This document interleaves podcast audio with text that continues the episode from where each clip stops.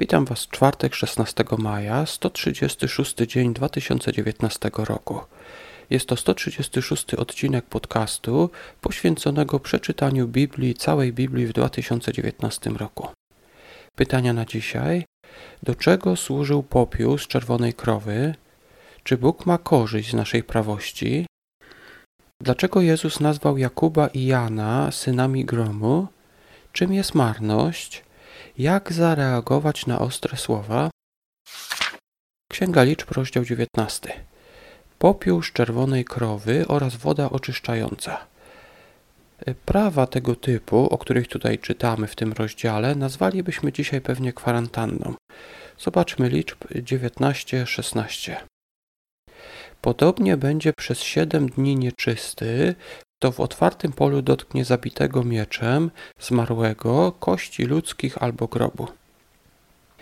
W czasach, kiedy nie było jeszcze antyseptyki, mądrze było na wszelki wypadek odosobnić kogoś, kto dotknął trupa, kości albo grobu, czyli miejsc, gdzie mogły być groźne drobnoustroje. Oczywiście ówcześni ludzie nie, nie wiedzieli nic o drobnoustrojach, ale przestrzegając tych praw, y, te prawa miały sens nie tylko religijny, ale także chroniły ich przed potencjalnym zagrożeniem, zagrożeniem od groźnych chorób. Y, Hioba, rozdział 22. Trzecia mowa Elifaza. Oprócz zarzucania Hiobowi złego traktowania bliźnich, mówi, że nawet gdyby był prawy, to nie byłby przydatny do niczego Bogu. Hioba 22, 3 czytamy tak. Czy wszechmocny ma zysk z Twojej prawości lub korzyść, że droga Twoja dobra? E, te słowa są bardzo podstępne, bo rzeczywiście Bóg nie ma żadnej korzyści z tego, że jesteśmy prawi. Jednak sprawia mu to ogromną radość.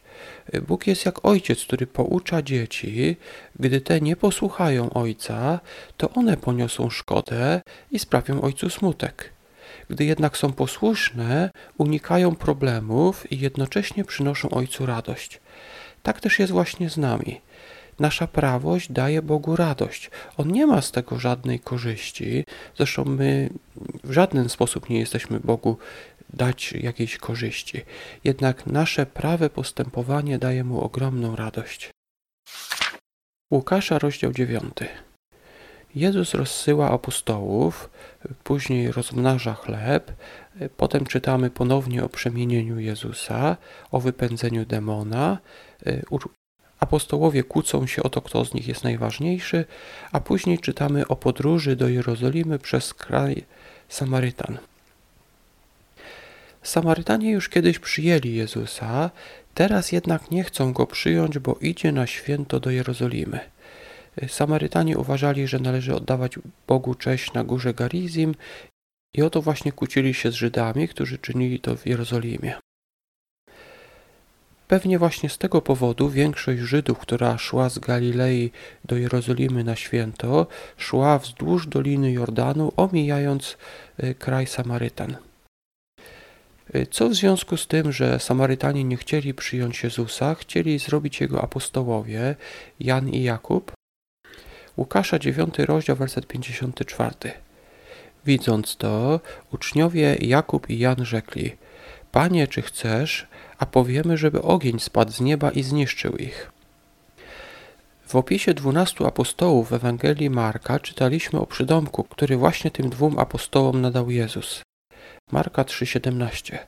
Dalej Jakuba syna Zebedeusza i Jana brata Jakuba, którym nadał przydomek Boanerges, co znaczy synowie gromu.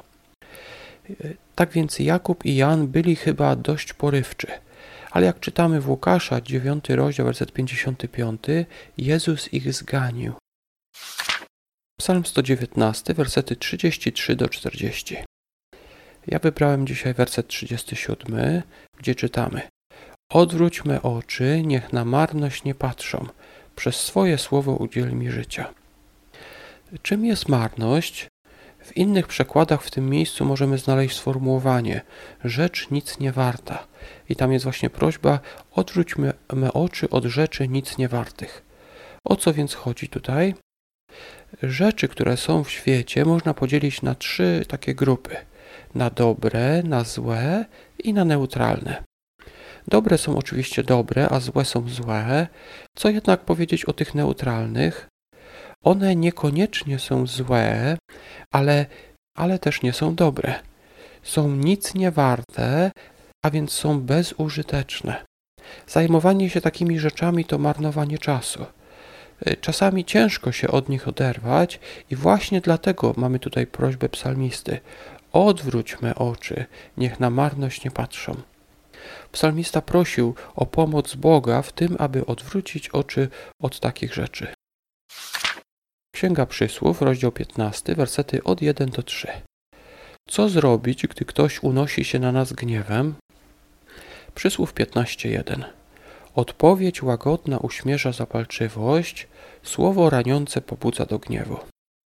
Myślę, że każdy z nas to wie, że łagodna odpowiedź potrafi uspokoić sytuację, z kolei ostre słowa mogą rozbudzić czyjś gniew, tak jak ogień.